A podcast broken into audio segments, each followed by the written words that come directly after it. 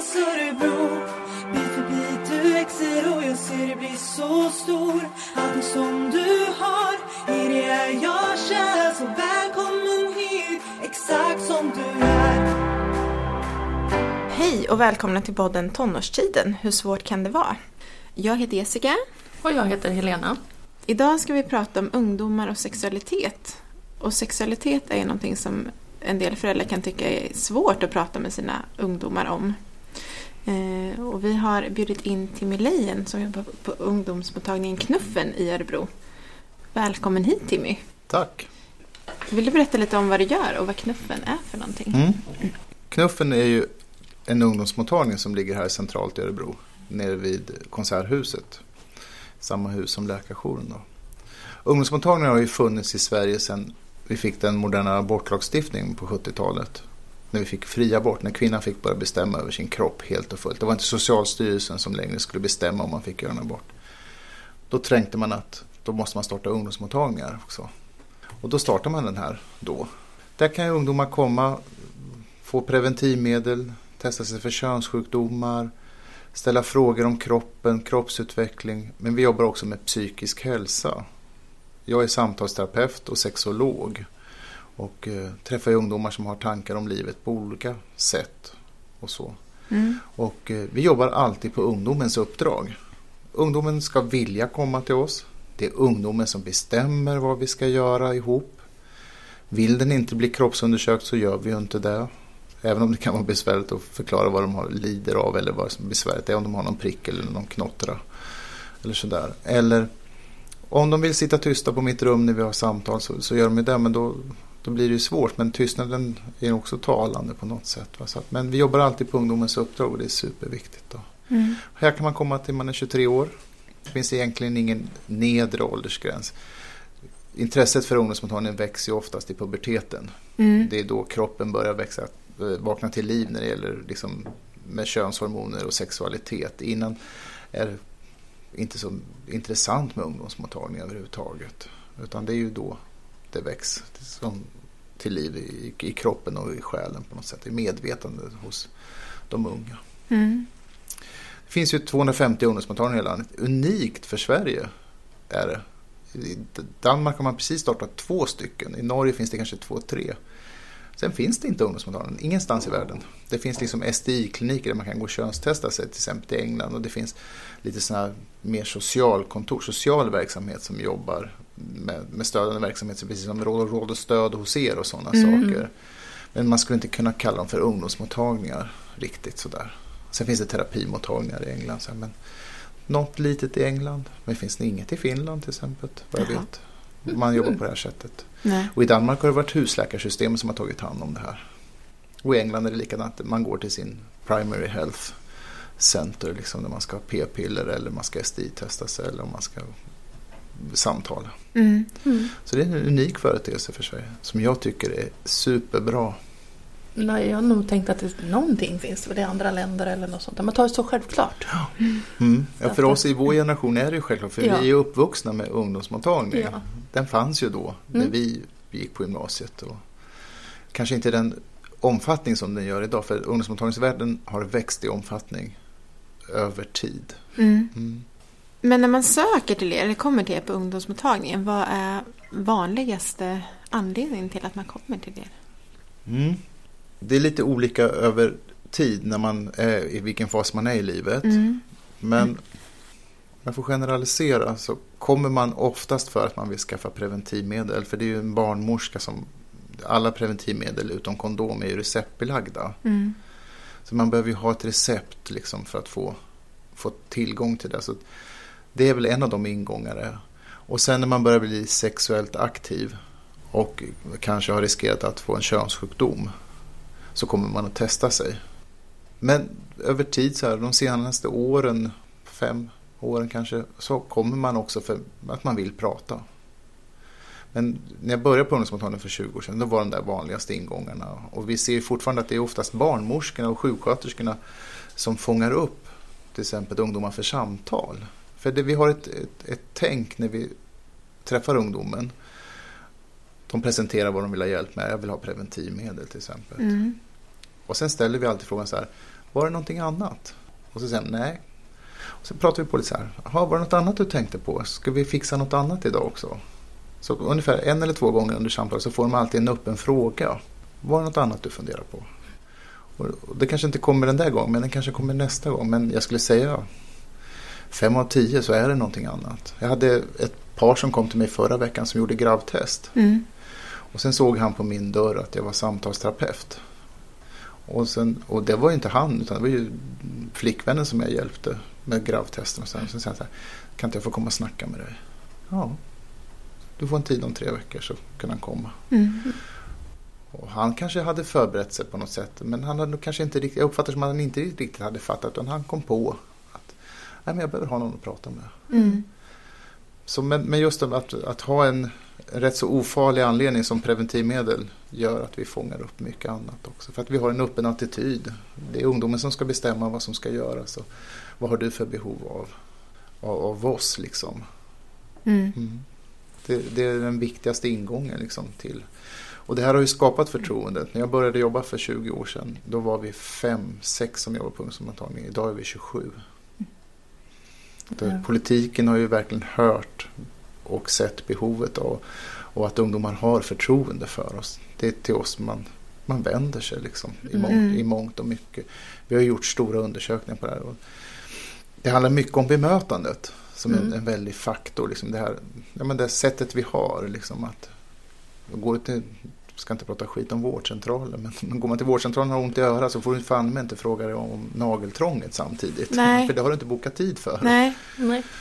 Och det här gör ju liksom att, och att vi liksom, vi ska inte döma. Vi ska till exempel ha en positiv syn på sexualitet. Det är det vi ska förmedla. Vi ska liksom vara eh, kunskapsorienterade på den positiva sidan. Mm. Mm. Och inte på den, ja, vi ska kunna den negativa sidan och det är klart vi ska upplysa om det. Men, men det är inte där, det är inte vår primära uppgift att, att vara på den, på den dömande sidan eller på, på, på det som är dåligt. Utan vi ska främja en positiv syn på sexualitet och psykisk hälsa. Mm. Det är vårt uppdrag. Och få ungdomarna att kunna hantera sin vardag. Det är vårt uppdrag från politiken. Mm. Och här har man då också ungdomen gett oss förtroendet. Och efterfrågan har ökat över tid och vi har Mm. fått mer resurser. En superhäftig miljö att jobba i. Man får så otroligt stora förtroende av ungdomarna. Och det där kan man också se om till exempel om ibland är vi ute på alla möjliga uppdrag så kanske man är själv på ungdomsmottagning som är ledig och så kommer någon så så. Egentligen är det inte min uppgift eller min huvuduppgift att till exempel göra en gravtest. Men jag kan göra det som sjuksköterska. Mm. Och sen så kommer samma person tillbaka efter några veckor och sen vill ha hjälp med något annat. Och kanske har berättat någonting i det där första samtalet som en stor hemlighet. Att jag får inte ha sex till exempel. Mm. Om det här kommer ut så, så är det livsfarligt. Och sen så, ja men barnmorskan är där borta. Nej, du ska hjälpa mig. För att du vet någonting Ja. som alla andra inte vet och det är inte fler som ska veta. Mm. Och då får jag bemöta det där på något sätt med hjälp av mina kollegor som är då sidekicks utanför om jag Mm. inte fixar.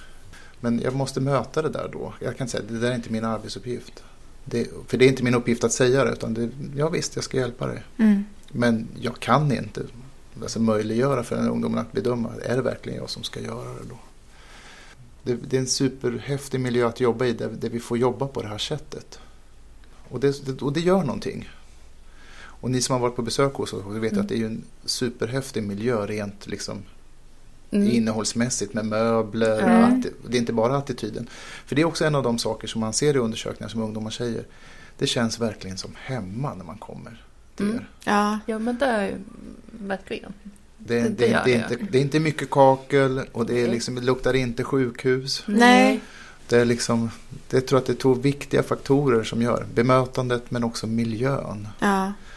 Och, och Ja. Jag vet inte om det var på vårt gamla ställe, det var ju ett rätt så sunkigt ställe. Mm. Och när vi flyttade till det här nya stället som är på Nygatan så, så blev det väldigt fint. Och jag tyckte att det blev för fint. Så att jag var lite Mm. orolig, så här, vad, vad ska ungdomarna tycka liksom? Med alla Kinnarpsmöbler och Ja. allt i ton i Mm. ton. Och, men det, de reaktioner vi har fått, så här, tänk att det kan vara så fint det vi ska vara. ja, men det är ju kul. Ja. De och- uppskattar det verkligen. Alltså, och det, det har jag lärt mig under åren när jag jobbar med ungdomar. Jag får respekt när jag ger respekt. Mm. Mm. Och det här lärde mig min lillebrorsa som har jobbat på Hagagården i hundra år. Alltså, Mm. mig, du måste, den dagen du ger respekt kommer du få all respekt tillbaka. Och Mm. det säger Mm. också Mats Trondman som är så sociolog och forskare. Ja. Det är en av nycklarna liksom till att, att nå ungdomar. Det är respekten. Mm. Ömsesidig respekt. Va? Mm. Och, det- och det hoppas jag att vi förmedlar. Det tror jag absolut. För som sagt, det, känns ju... Det är en trevlig miljö att komma till. Och, ja, men också bara där, okej, det är kin, fina Kinnarpsmöbler. och Jag förstår din fundering, men det är ju som sagt det är ju respekt att visa att man satsar pengar, man gör fint. Man har inte plockat ihop vad som helst. Nej. Utan att det finns en, en tanke bakom varför det ser ut som det gör. Att, Mm. mm, vad man vill erbjuda det. Mm. Mm. Och det här är ju en viktig aspekt på din fråga Jessica. Vad, vad kan man komma för och sådana saker och vad kommer ungdomar för? Det också det är som, vad kommer de till? Mm. Mm. Blir det en, liksom en, också en del av, av arbetet så att säga. Vi jobbar ju inte miljöterapeutiskt men, men det finns en sån tanke bakom Mm. det. Att, att det ska vara en god miljö. Liksom. En trygg miljö. Mm. Som jag som terapeut när ungdomarna kommer in på mitt rum. det- Jag tror att det har hänt två gånger under alla år att man har inte valt samma stol varje gång att sitta i. Nej. Mm. För det är min stol. Ja. Mm. Och det är jag som får anpassa mig och flytta runt mellan mina tre stolar. Jag har inte min stol. Nej. Nej. Utan jag får liksom ha min Mm. stol utifrån vad du har valt som kommit. Då. Mm. Mm. Och att, att vi liksom har den här miljön. Liksom. Jag hade en, en kille igår som, som var hos mig första gången.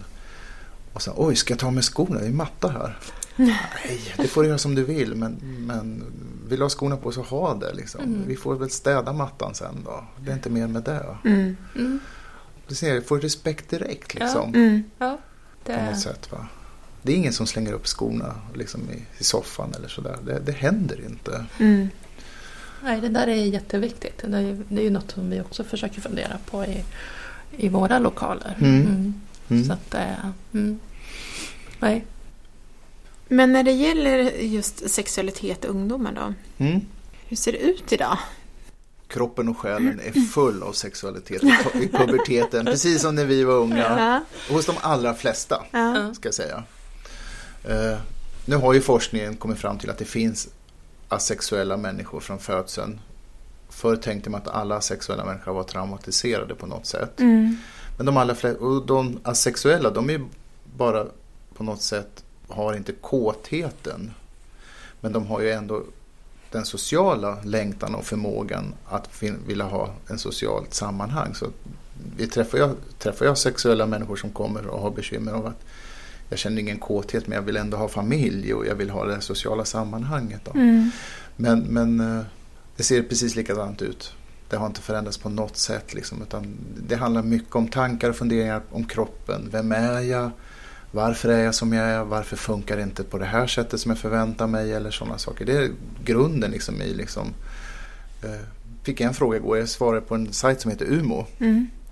Tror du att jag behöver komma och få min penis, han sa kuk i, i texten, undersökt? Jag tror inte att det är något fel på den. Men jag skulle vilja ha en checkup. Är jag knäpp i huvudet? och bara, det, vill du att någon ska titta på den och se att allting är okej? Så kom. Ja. Så kroppen är mycket liksom i, i, i nedre tonårstiden och kanske över också. Liksom, att, att, är jag okej? liksom? Mm. Jag hade en kille för många år sedan som också hade samma frågeställning. Han sa jag vill att du tittar för du är objektiv. Alla andra som kommer titta de är subjektiva för de ska ha nytta av den där.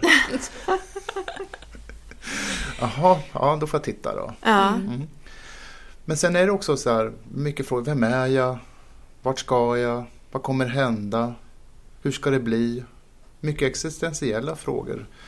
Och eh, det här med samtal har ju ökat. När jag började så hade vi en kurator och nu är vi ju tolv som sagt då, som jobbar. Mm. Och det är klart, tillgång och efterfrågan har ju ett samband. Men jag tror också att behovet av att prata existentiella frågor i tonårstiden med någon som är utanför det normala sociala sammanhanget kan kännas viktigt. Mm. Att när jag delar mina största, kanske man tänker att det är knepiga tankar och funderingar jag har också. Så, så vill jag inte att, att morsan och farsan ska veta det här eller kompisen ska veta det här. Mm. Utan det där ska Timmy veta för han har tystnadsplikt. Mm. Det, han kan absolut inte säga någonting. Och han, han måste bara tiga om det. Mm. Och därför Mm. kan jag säga det.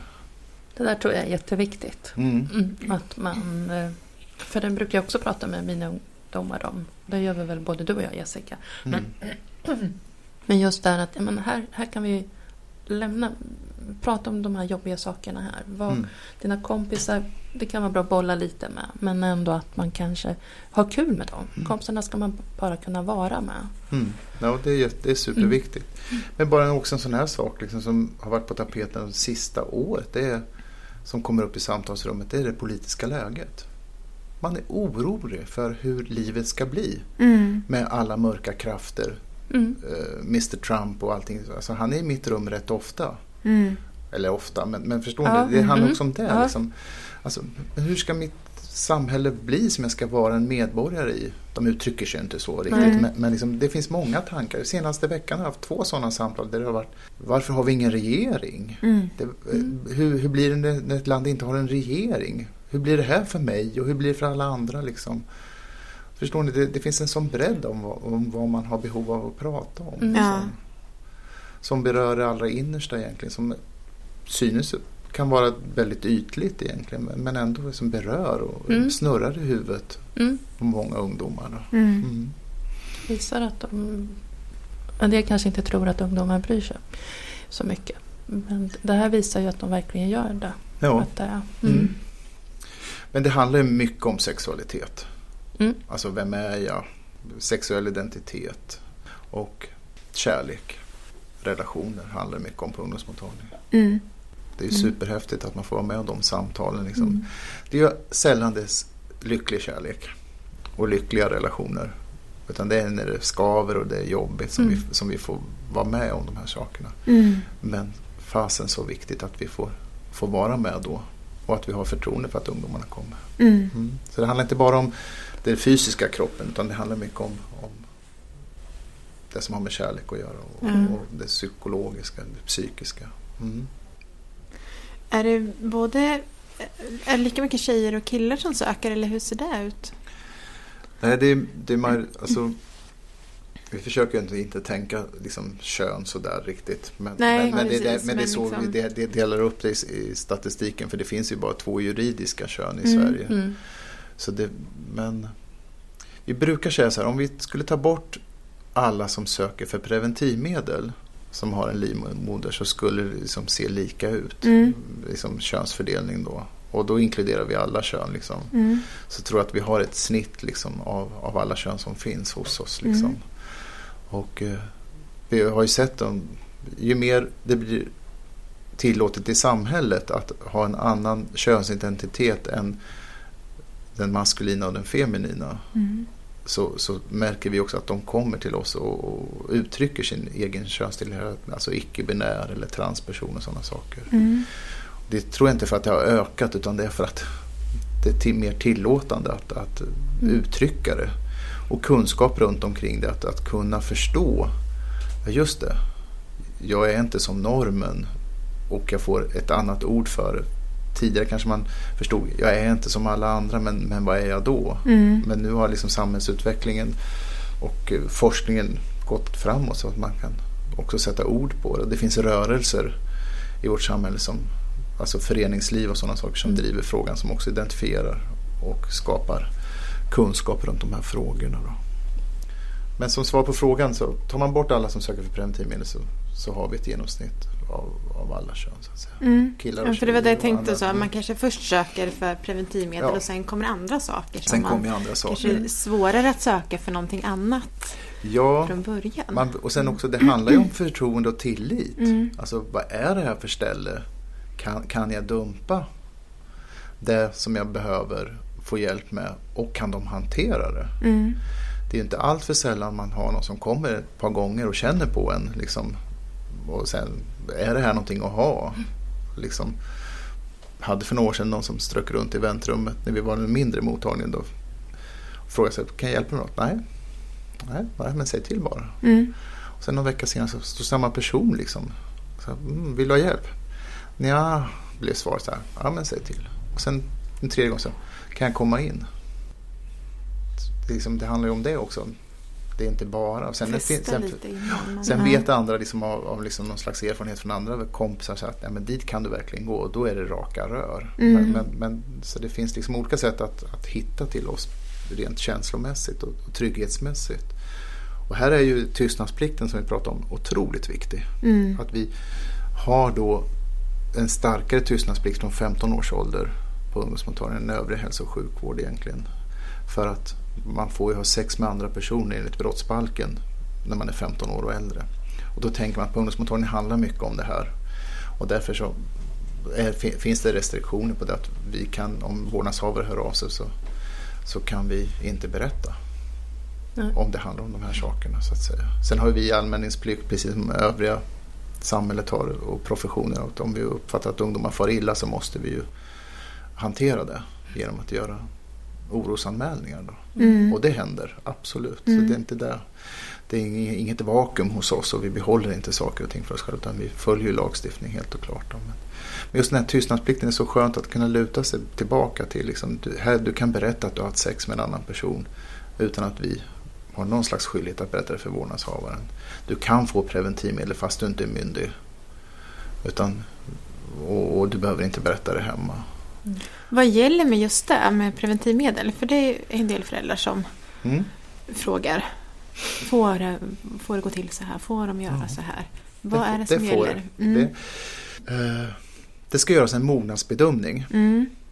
Och eh, det ska också göras en, en inte en omvärldsanalys, men man, man, man ska försäkra sig om att, att om man då är under 15 år, är det över 15 år är det inget snack, då får ungdomen preventivmedel.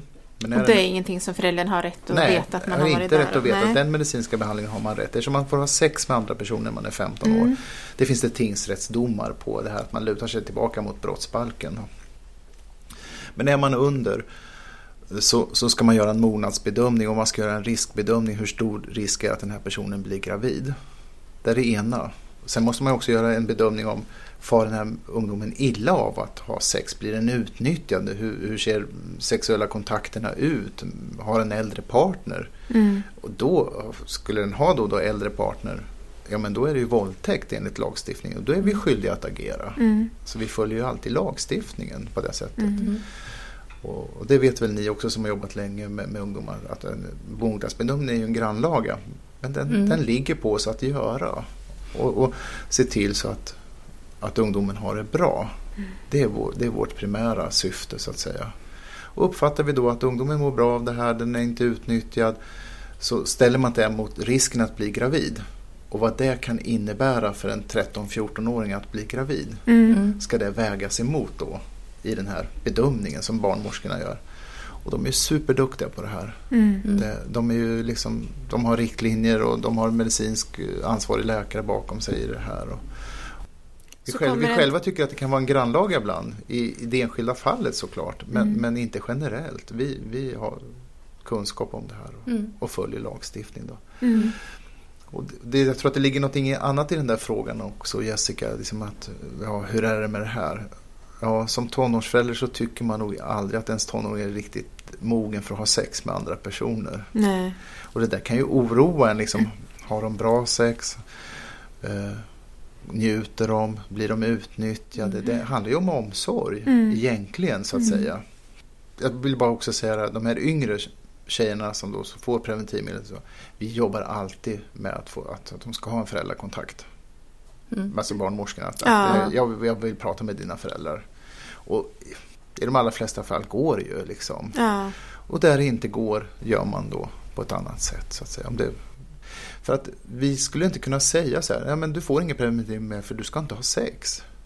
Nej, De kommer gå ut och ha sex och, och riskera sig ännu mer. Mm. Precis. Mm. Liksom, det, det, det är ju det som är Ja. i motsatsförhållande till Mm. det här. Eller det är det som blir alternativet. Ja. Mm. Och det är inget alternativ. Att utsätta en annan människa för en högre risk. Nej. Så det, det fanns ju en åklagare för det är tio år sedan som var på jakt efter de här barnmorskorna och skulle ju stämma dem för att de Ja, jag kommer inte ihåg vad åtalspunkten skulle men han, blev, han fick ju lägga ner sitt arbete. Han var Mm. helt rabiat. Mhm. Så det här är prövat i rättssystemet. Mm. Så där behöver man inte vara orolig för att vi gör någonting som vi inte ska. Nej. Nej. Det är liksom inte barnmorskorna i East End eller vad det nu kan vara. Mm. Som jobbar i det fördolda på något sätt. Nej. Va? Nej. Utan det, nej, men som sagt det gäller ju att värna om eh, tonåringens Mm.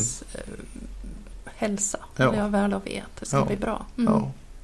Hur ser det ut när det gäller abort? Abortsiffrorna går väl lite upp och ner. Jag kan inte dem just nu men, men det är inget, de är konstanta skulle mm. man kunna säga. Sen säger en del att de är höga. Och i min värld kan man fundera på, kan man ha höga abortsiffror om vi har fri abort? Mm. Mm. Men däremot oönskade alltså graviditeter är väl det man pratar om. Och eh, vi jobbar ju för Dels jobbar vi för att man ska kunna bli gravid när man själv vill och bestämmer. Det är därför vi har preventivmedel. Det är därför vi jobbar till exempel med att jaga klamydia för att ungdomarna sen när de blir äldre ska kunna bli med barn eftersom mm. det finns en viss risk för sterilitet för mm. vissa könssjukdomar. Syftet är ju att vi ska ge dem valfriheten, möjligheten till det där. Så abortsiffrorna de ligger ju högre än i övriga Norden till exempel tror jag. Mm. Jag är inte någon expert på abortsiffror precis men, men vi har högre siffror. Men frågan som är, kan vara provocerande, kan vi ha höga abortsiffror? Mm. Om vi har fri abort. Mm. Precis. Mm. Mer retorisk fråga. Men, mm. men människor ska ändå få så mycket kunskap tycker jag om hur en graviditet blir till. Och man ska också ha möjlighet att förhindra det om man vill. Sen är det upp till ungdomen att bestämma vilken risk vill jag ta. Mm. Ger vi dem kunskap, ger vi dem möjligheten och det gör vi genom att det finns 250 ungdomsmottagningar i landet. De allra flesta ungdomar vet vad en ungdomsmottagning är. Mm. Eh, och, och, vet hur man tar sig dit. Det, sen är det liksom ojämlikt geografiskt. I Norrland kan det vara 25 mil till en ungdomsmottagning. Ja. På så sätt har vi ett fantastiskt utgångsläge för ungdomarna att, att kunna bestämma själva. Mm. Mm. Men när det gäller just kunskap kring sex hos ungdomar vart får ungdomar sin kunskap ifrån? Är mm. det, vi pratade lite om just sexualitet, att det kan vara svårt att prata med sina barn om som förälder. Hur ska mm. man tänka som förälder? Ska man prata med sina barn? Eller är det där de vill? Eller hur? Oftast inte tror jag. Nej pratade med min syrra häromdagen. Hon hade haft något samtal med mor när hon var yngre. Och så bara, vad hade du? liksom, mm. Hon försökte väl. Liksom, och det var, och jag tror att man ändå ska lyfta frågan mm. hemma som förälder. Jag är beredd att lyssna, jag är beredd att prata, jag är beredd att kunna ge dig kunskap om du efterfrågar den hos mig. Mm. Och säga att gå till ungdomsmottagningen mm. om du har funderingar som du inte vill prata med mig om. Mm. Var öppen med det. Jag, jag kan härbärgera den där hemligheten. Jag behöver inte veta jag tycker själv att det har varit viktigt, jag har ju barn då, att inte jag liksom eh, att de är som öppna böcker för mig utan de har sitt privatliv liksom, och så ska det vara. Mm. Mamman är barnmorska liksom, också så att mm. de har haft det väldigt besvärligt på det sättet. Va? Men de behöver ju skapa sitt eget liv ja. liksom, runt det och välja. Ja.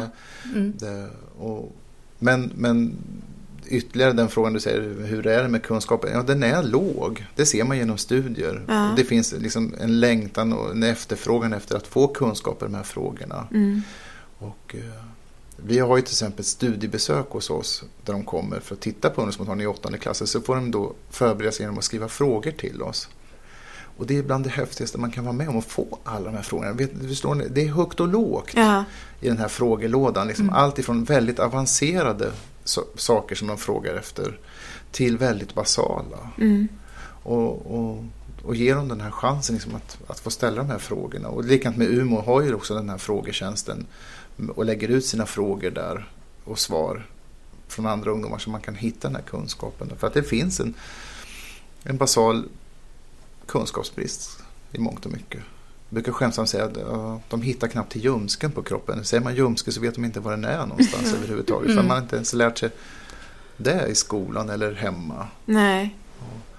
Och hur ska man då veta hur man ska njuta sexuellt? Liksom? Mm. Vad, vad, vad, går jag igång på? Och var får jag den kunskapen? Vad, vad, vad är okej? Okay? Alltså den här sociala skripten. Liksom. Vad är okej okay att vara? Så det inte blir för den här tjejen i södra Sverige som blev, det var någon tingsrättsdom här för någon, några veckor sedan som hade blivit utsett till, vad hade de blivit utsett till? Ja, jag kommer inte ihåg vad det eh, var. Titeln var, det var inte slampa men det var väl något annat. Ja, något, ja men något. Ja. ja. Mm, det var inte liksom, snällt. Nej, och liksom, för det, man måste också mm. förhålla sig till den, den, sexuella skripten. Vad är okej? Okay? Mm. När kan jag göra det? Var kan jag göra det? Hur kan jag göra det? Mm. Och det där behöver man ju kanske, det är ungefär som att lära sig cykla. Det där får man ju testa sig fram. Men, mm. men det finns ju fallgropar det där och då tänker jag att, att Umo en sida, kan vara bra. Mm. Och, andra sidor också kan också vara bra. Men också träffa någon som... Ja, vi är ju de flesta sexologiskt utbildade som jobbar på ungdomsmottagningen också. Mm.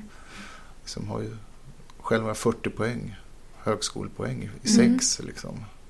betyder inte att jag kan allting men, men, men jag har ändå lärt mig prata om de här sakerna på Mm. kanske ett mer otvunget sätt än, än vad andra vuxna och föräldrar. Mm.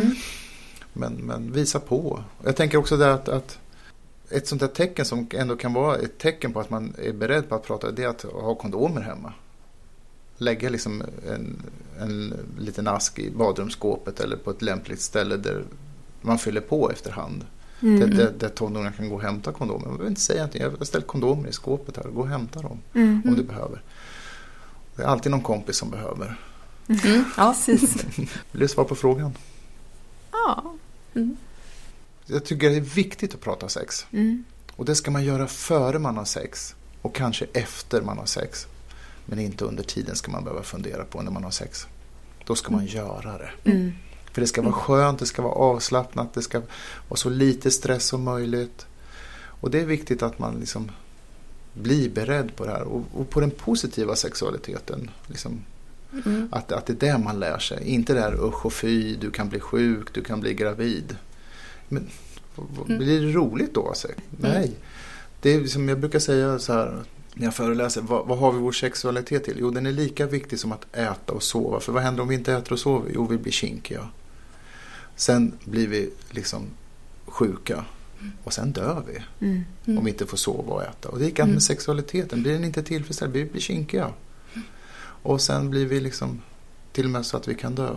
Mm. Det såg man ju i spädbarnsforskning. Liksom. Med barn som inte blev sedda i de här stora sovsalarna blev sjuka och dog. Mm. Mm. Mycket oftare än de barn som var nära dörren som fick lite, lite uppmärksamhet i alla fall. Mm.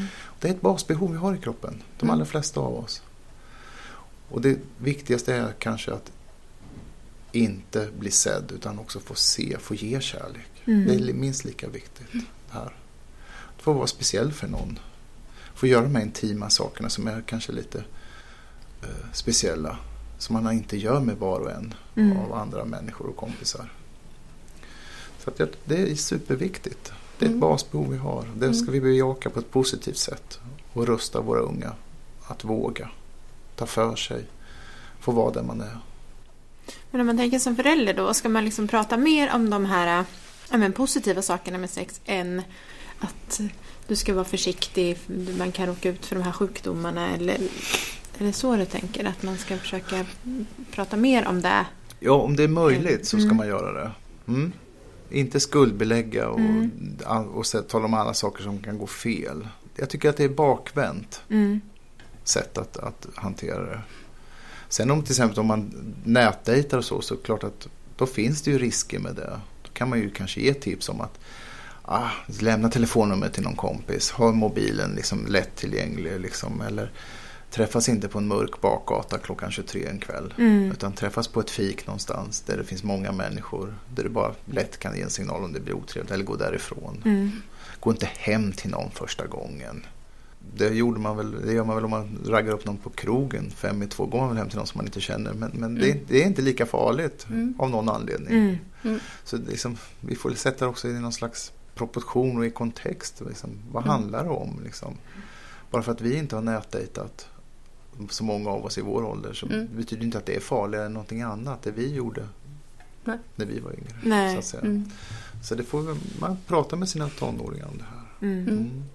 Det är ett väldigt svårt ämne att prata om. Man uppfattas nog rätt så tunt det. Mm. Och det är ju väldigt privat, det är ju det det handlar om. Mm. Jag vill inte veta vad mamma och pappa gör och jag vill inte berätta vad jag själv gör för mamma och pappa. Nej. Det liksom ligger som någon slags raster Mm. i vår kultur Mm. Mm. Ja, det här i, i, i det här. liksom väldigt privat område och ja. skämmigt och Ja. ja. hela det där. Ja. Så att, mm. Mm. Jag tänkte på förut du sa, vi var ju lite inne i början på det här med normer och sen få Mm. vara den man är och det. Mm. Det pratas ju mycket idag om ja, norm Mm. och det är ju bra. Så Mm. att det, hur möter ni det? Eller vad möter ni där? Prognosmottagningen. Ja, dels handlar det ju om, om, om hur vår miljö ser ut. Att, att vi har ju liksom, vi försöker undvika affischer som är stereotypa. Vi försöker Mm. undvika färger som då på något sätt Mm. uppfattas som stereotypa. Eh, Alla våra texter som vi gör är ju liksom könslösa, eller vad ska man säga? Utifrån att alla som läser våra texter, våra journaler utformas så att alla ska kunna få plats i dem. Oavsett vem jag är som jag möter. Om jag träff- träffar en transperson som har påbörjat tankar om att jag är transperson och säger att ja, men jag heter det här i folkbokföringen men jag vill att du kallar mig för det här för det är det jag heter. Mm. Så, så, är det ju, så lyssnar jag på det sista. Ja, jag tar, det är klart jag säger vad du heter. Eller vilket pronomen vill du att jag använder? Vill du att jag säger han fast du vill kalla det för Maria eller vill du kallas för hon? Så, så möter jag ju den personen i det. Mm. Det är den som bestämmer Mm. vad jag ska förhålla mig till. Det är inte jag som kan göra det. Vad som står liksom i folkbokföringen eller i personuppgiftsrutan i journalen, det är ointressant Mm. där. Så det förhåller vi oss till så gott det går, så gott vi kan förstå. Liksom. Och vi ställer Mm. frågan när ungdomen kommer, vilket pronomen vill du använda? Mm. Det är en standardfråga. För det jag ser är inte säkert att det är det som stämmer, för att jag har mina glasögon. Mm. Mm. Så att jag måste fråga Mm. och ungdomen måste berätta. Det är en sån där supertydlig sak. Då. Så vi, på det sättet, miljön men också hur, hur vi möter och vårt språk Mm. är ju viktigt. Och vi tar ingenting för givet, för det är inte vår uppgift. Mm. Men det är svårt. Det är svårt att vara normkritisk. Mm. Det, vi vi lever ju alla i våra normer. Men det här är ju en av de saker som, som jag träffar, till exempel transpersoner, där de inte får respekt. Där blir det ett väldigt lidande. Mm. Jag tänker att min brorsa inte kan kalla mig för hon. Mm. Utan Mm. måste envisa att kalla mig för han. Det kan vara, det kan vara ett trauma som känns jättehårt. För jag tycker om min brorsa men, men min brorsa respekterar mig inte. Mm. Det är ett exempel. Ja, men som sagt, man blir ju inte respekterad för den man är. Nej. Och det är ju, det är ju grunden. Det är ju jätteviktigt. Ja. Det, Och här är det viktigt som förälder till exempel. Jag har en del föräldrar som kommer som, Mm. som funderar runt de här Ja. sakerna. Hur ska jag förhålla mig till min ungdoms alla nycker Mm. eller idéer? Ja, jag tycker man ska förhålla sig på ungdomens eh, sida om de inte gör att ungdomen far illa. Det får ju bli en gräns va. Mm. mm. Men, men eh, jag tycker att det är bara den enskilda personen som kan identifiera. Man kan bara gå till sig själv. Om någon skulle kalla mig för hon. Mm. Jag är inte en hon. Det, det vet jag på det bestämdaste tror jag. Mm. Så skulle det vara superkränkande. Mm. Mm. Eller om ingen skulle kalla mig för, eller kalla mig för något annat namn än, än det som jag själv har bestämt. Mm. Eh, Mitt kön har jag fått. Det fick jag på sjukhuset när jag föddes. Men det betyder inte att det är rätt kön. Mm. Mitt namn har jag fått. Men det betyder inte heller att det identifierar mig. Och eh, där har en del föräldrar till exempel väldigt mycket tankar och funderingar. Men jag gav ju barnet det här namnet och det Mm. vill inte heta det. Nej, den identifierar sig inte med det längre. Behöver byta. Mm. Då kan det göra ont igen som förälder, namngivaren. Men det måste man möta där tycker jag. Det är, allt annat är orespekt. Mm. Sen om det inte det namnet passar om tio år eller om två månader, då får man väl byta igen då. Det kan ju inte vara hela världen. Nej, precis. Men jag kan tänka mig att det kan bli lite sorg för att det, det är, när barnet kommer och det har varit stor tankeprocess kring att ge det här nya livet ett namn. Mm. Och sen säger barnet bara nej. Nej, det, Det- finns, det finns ju väldigt viktiga. Jag provade själv med, med, med min omgivning. Jag tänkte jag skulle byta namn.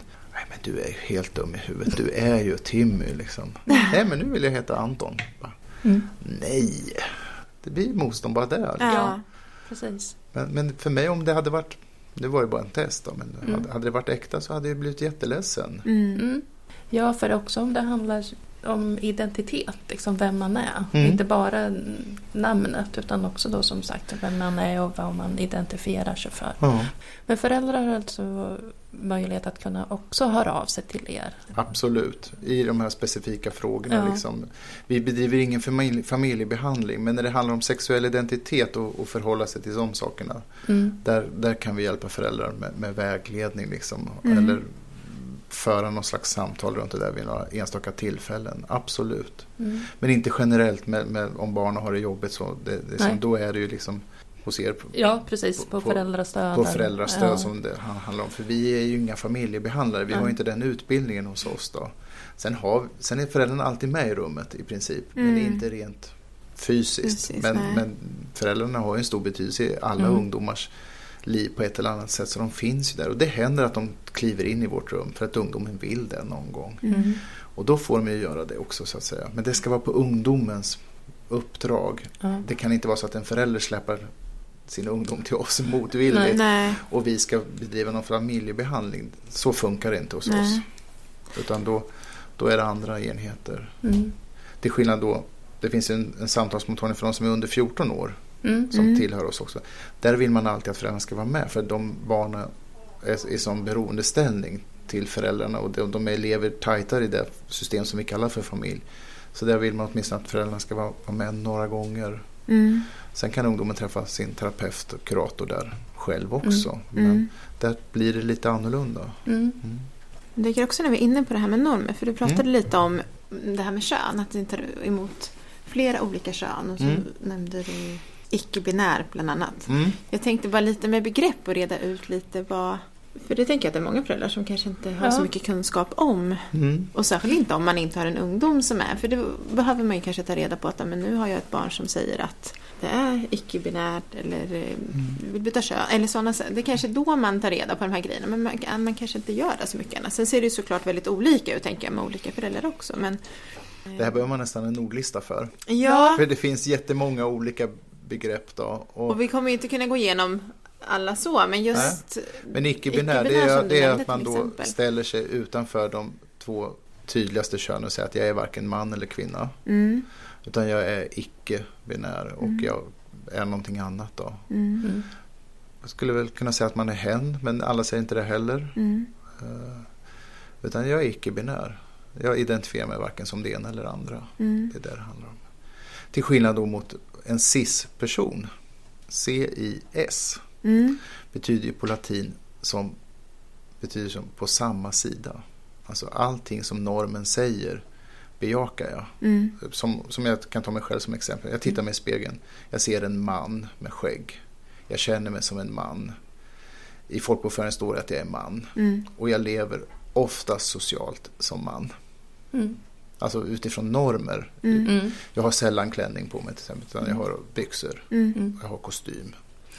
Då är man en cis-person. mm, Och det begreppet kom till för tio år sedan. För att när allting annat då skulle liksom etik- sättas etiketter på så behövde man ha en etikett på det som var normen också Mm, utifrån mm. hbtq-samhället som, som myntade det här begreppet. Då. Mm. Mm. Och sen det här med transperson, det är ju, liksom- där finns det också olika, det är ju bara transperson är ju bara ett paraplybegrepp, sen kan man vara på olika sätt i det där. mm, Man kan nog konstruera x antal kön utifrån socialt, juridiskt, upplevt och eh, utlevat mm, kön. Då. Och det har ju ingenting med sexualiteten att göra, det måste vi ha skillnad på. Mm. Vad, vad jag gör sexuellt är att identifiera mig som, som, som sexuell person. Då. Jag kan, som transperson kan jag vara alla möjliga variationer på sexualitet också. mm, Och det kan vi också göra skillnad på hur jag gör sex. För det betyder inte att bara för att jag till exempel har sex med en annan man som man så behöver det inte betyda att jag identifierar mig som homosexuell. Jag kan nej, fortfarande identifiera mig som heterosexuell. Mm. Det var ett sånt roligt exempel, jag var på en föreläsning där jag berättade om de här sakerna. Då var det en som säger så här, nej nej, suger en man kuk då är han bög. ja, Då var det en av de andra åhörarna som säger, men jag känner en kille, han har rånat en bank två gånger, han säger att han är poet. Och det tycker jag var Ja. sådär, ja just Ja. det, vem kan identifiera vem jag är utifrån det jag gör? Mm. Ja, det är faktiskt fortfarande bara jag själv. mm, Mm. Han var inte bankrånare, han var poet. mm. Men han definitivt rånat bank två gånger. ja, Fast det var inte där han Så vi får göra skillnad på de här tre sakerna Ja. liksom också. ja, För de sammanfaller inte alltid. Det är inte liksom transparent i det här. Eller det blir en, en norm för det här. Eller det på ett sätt. Utan det kan vara på många sätt. ja, Mm. Men det är bara jag själv som kan få bestämma tycker jag. Mm. Vem jag är och vad jag gör och hur jag uttrycker mig. mm, Mm. Det, sen kan vi andra titta och tänka någonting annat. Men det är bara och sist jag själv som, eller den personen som har facit på vad, vad sanningen är. mm, Just nu. Mm. För det är ju också så här att det visar ju forskning på, där kan man ha olika saker, men, men den eh, traditionella utvecklingspsykologin säger att man går i olika trappor och man, sen blir man en hel människa och det är linjärt. Mm. Men nu börjar man tänka att nej, men utvecklingen är cirkulär. Den går som en torktumlare eller som Mm. en tvättmaskin, går runt. Mm. Ja, men jag är lite bisexuell, nej men nu är jag heterosexuell, nu kanske jag är homosexuell. Alltså det, det finns ingen konstant i det där, det finns inget liksom bestämt i det där. Utan livet är en ständig utveckling när det gäller sexualitet. Mm. Spännande Mm. förhållningssätt. Ja. Där, där många ramar kommer på kant. Mm. Eller ställs på kant och, och ifrågasätts. Då. Ja. Mm. Och då tänker jag som tonårsförälder att det är, ja, det är säkert svårt ibland att hänga med och Mm. veta Mm. hur ska jag tänka, hur ska jag göra nu och sådana saker. Men att egentligen väl då handlar det bara om att sitta lugnt i båten och f- försöka följa med och, Ja. och vara intresserad och Ja. respektera Och, framförallt. ja, Mm. Både intresserad och, res- och respektfull liksom, Ja. det Mm. där. Mm. Och sen samtidigt vara vaksam på, är det här bra? Är det hälsosamt? Liksom? Det, Mm, det, det, det min tonåring utsätter sig Ja. för. Men man ska få vara sig själv. Mm. Mm. Mm. Men man kan ju råka ut för tråkigt. Till exempel om jag som då klassisk man då kanske går i klänning och läppstift till skolan och, och får stryk varje dag. Mm. Ska inte den där personen med läppstift och klänning behöva ge sig.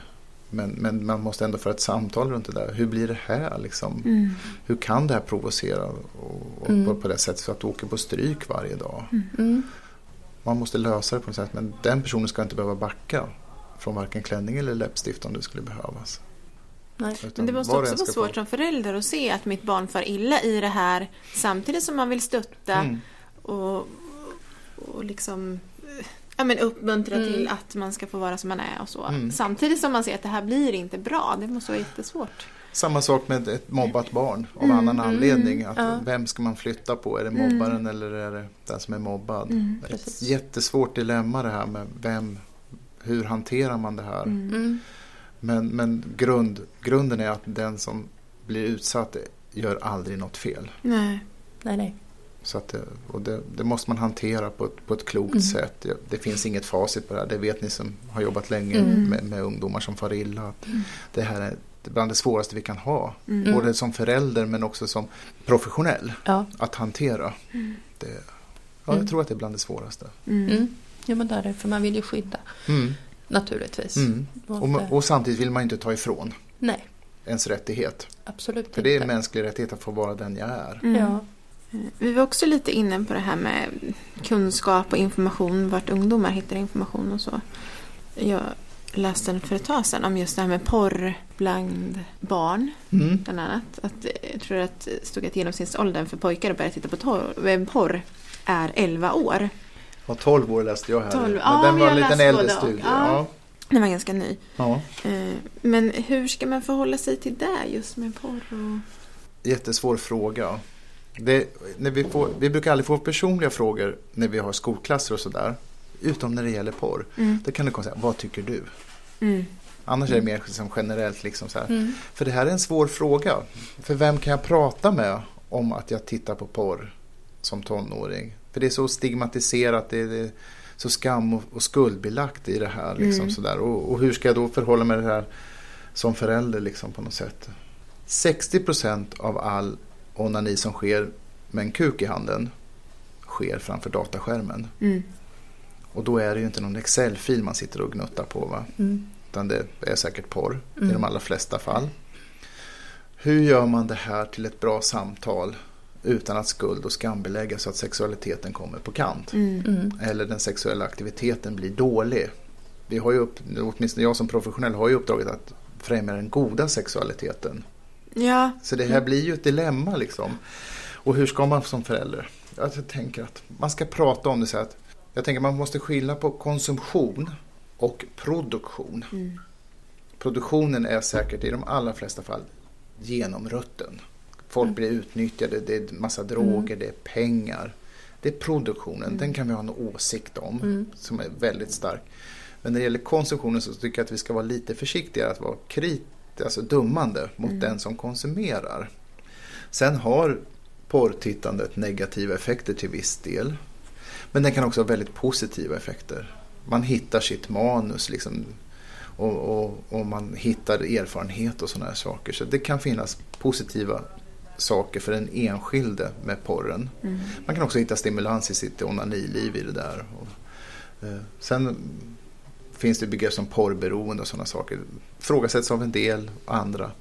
Och, och det här med porr har, ju olika aspekter. Det finns ju konservativa, det finns liberala, det finns feministiska aspekter på det här med porren så att säga.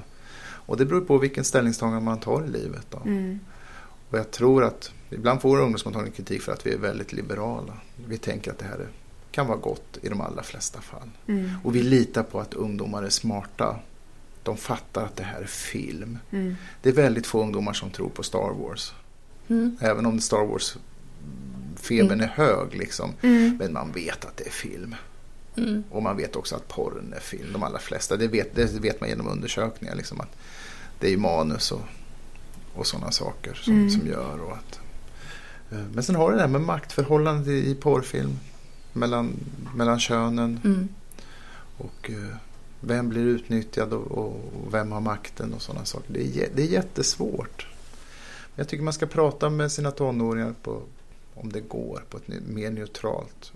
Men om man säger så här, icke skam och skuldbeläggande. Mm. Mm. Jag kan ge ett exempel. Jag var ute i skolan för några år sedan. Där en av lärarna säger ni ska säga att analsex är dåligt. Åh, hur ska jag kunna göra det när det finns folk som njuter av det? Mm. Alltså ska jag offra de som njuter av det och säga att det där är dåligt för att de flesta kanske inte har analsex, det vet vi genom studier. Mm. Mm. Men de som verkligen njuter av det då? Mm. Mm. Hur ska jag förhålla mig till det här liksom? Och det är likadant med porren. Mm. Liksom, Mm. Hur ska jag liksom inte göra folk handikappade eller skuld och skambeläggda? Och samtidigt göra det på ett nyanserat sätt så att folk fattar att det kanske inte är alltid, alltid det bästa. Mm. Och framförallt pratar vi alltid om porren som att porr är porr och det är film. Fantasier är också fantasier. Och allting ska inte förverkligas. Nej. Utan det ska få vara film eller det ska få vara fantasier. Mm. Och verkligheten är något annat. Mm. Mm. Och då får man hitta någonting där. Och det är viktigt att visa på att det finns massa gott i verkligheten också som du kan njuta av. Du behöver inte kopiera varken fantasin eller porren Mm. För att få den där schyssta njutningen av, av, av, av din sexualitet. Mm. Eller din sexuella aktivitet.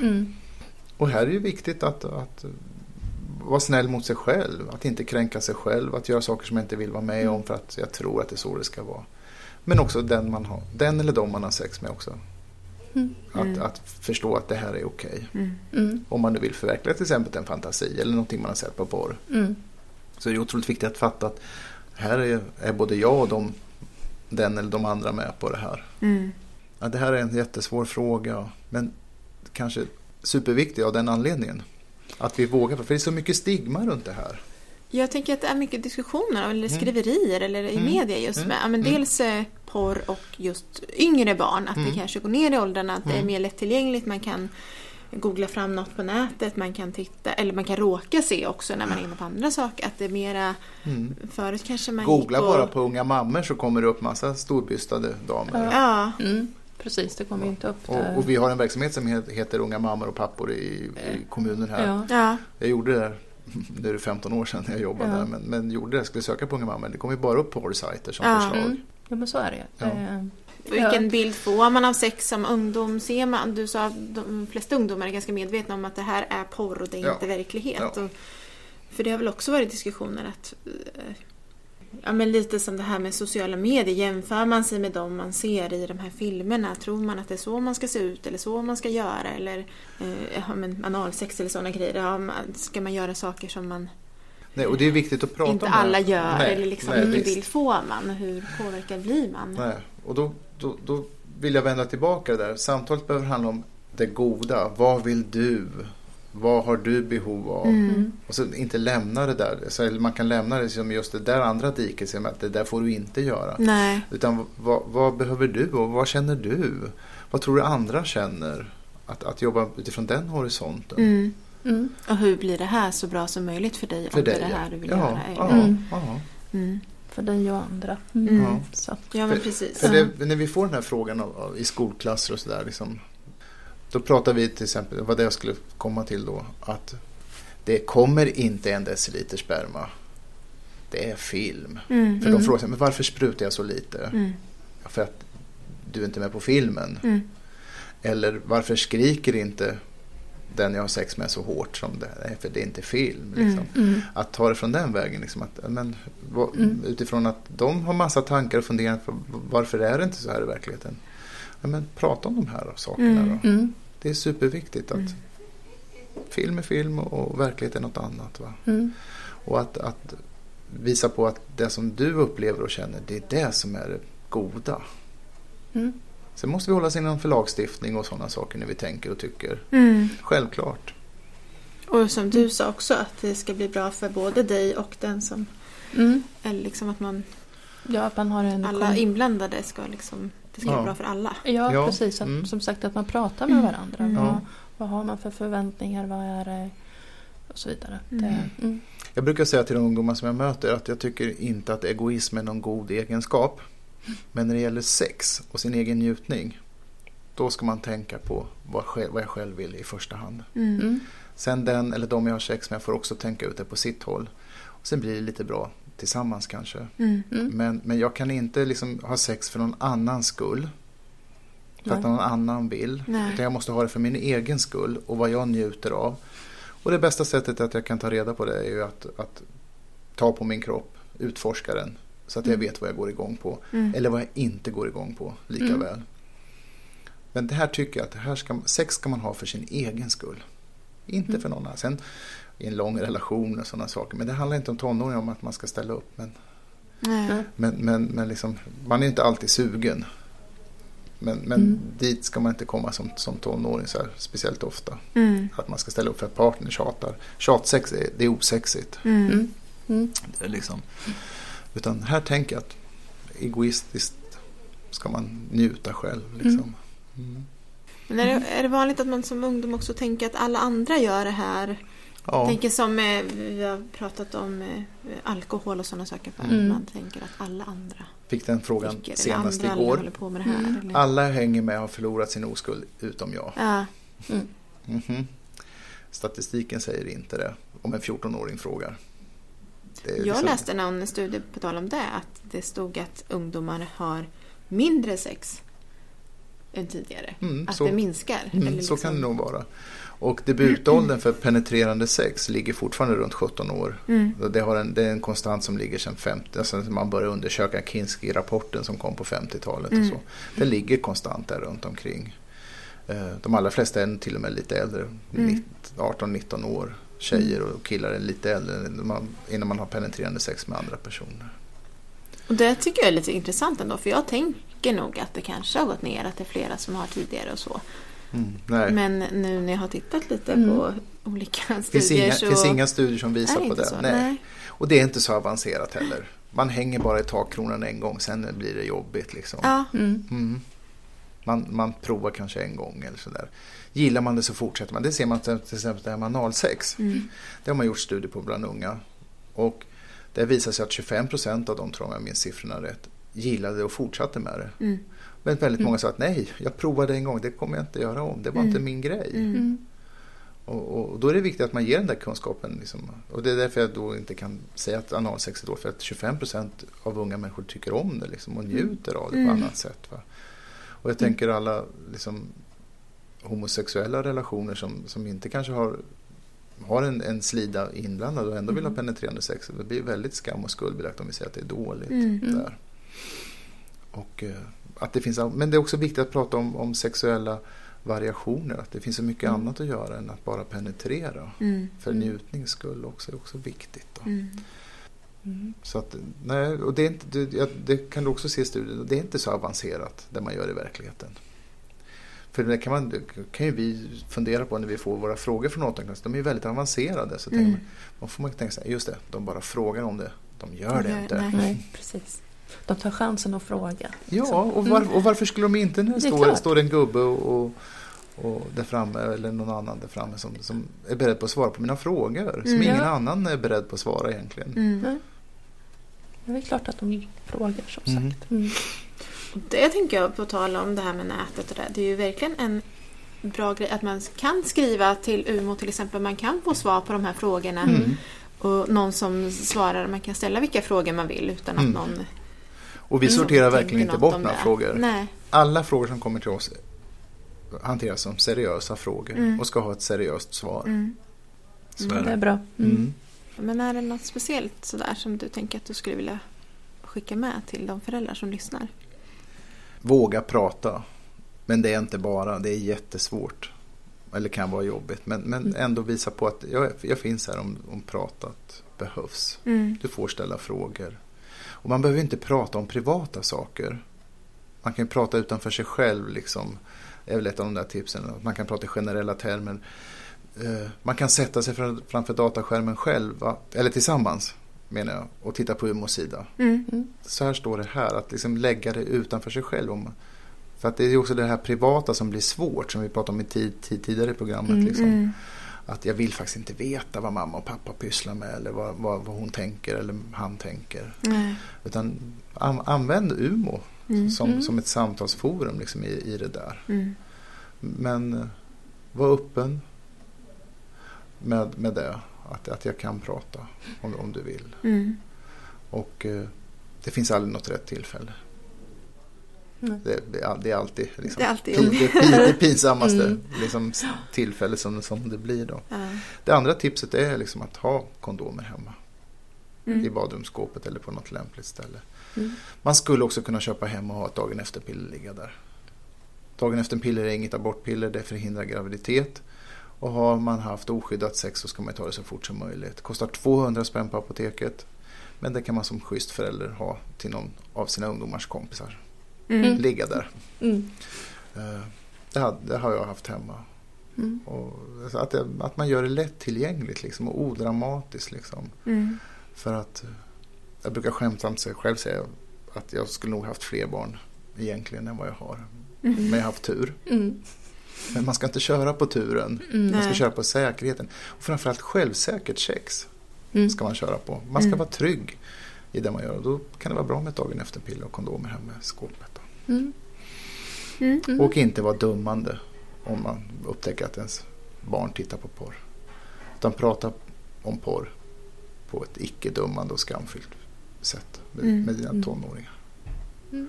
De flesta tittar på det. Mm. That's fact. Det kommer vi inte kunna hindra dem för med sina smartphones. De har sina internet. Mm.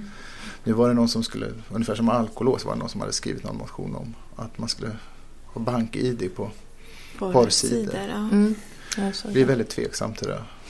Vad, Mm. vad sänder det för signaler? Mm. Men jag kan förstå också. ja, Mm. det är som sagt en svår fråga. Mm. Mm. Mm. Mm. Det är väl den tipsen jag har. Mm. Jättebra. Mm. Mm. Sen är ju här jätteroligt att prata om. Mm. Så skulle man kunna få in lite humor och glädje i det här. Prata liksom sex och knulla, Mm. kuk och fitta mer Mm. hemma. Så avdramatisera det. Mm. Och jag tänker också, nu, kom, nu fortsätter vi prata här bara, men Mm. nu är också det här med, med vad, vad kallar man sina kön liksom. Eh, säg vad det är. Det kanske är en bra början. Kalla det, Mm. kalla det inte för alla möjliga saker som det inte är. Mm. Va? Kuk och fitta är två jättefina ord. Det betyder ju våt och fuktig ängsmark Mm. Mm. och liten växt från stam. Mm. Det är liksom beskrivande ord. Mm. Mm. Och jag tänker att om man törs äga de där orden också på ett bra sätt så är det en bra början. Mm. Mm. Mm. Då blir det ju som sagt lättare att prata om det. Ja. Mm. Ja. Och humor är viktigt. Mm. Ja, Där. Mm. för sex ska vara roligt Mm. och njutningsfullt. Toppen. Det skickar Ja. vi med våra föräldrar som lyssnar på det här programmet. Det gör vi. Mm. Och tack så jättemycket för att du Ja. kom hit idag. Ja. Tack själva. Ja, det har varit tack. roligt att vara här. Tack, jättetack. Och tack till er som har lyssnat. Mm. Mm. Hej då. Du växer och jag ser dig bli så stor Allting som du har, i det är jag kär Så välkommen hit, exakt som du är Vill leva, dö och andas, så låt mig bara vara Vill leva, dö och andas, för här mår jag bra Här mår jag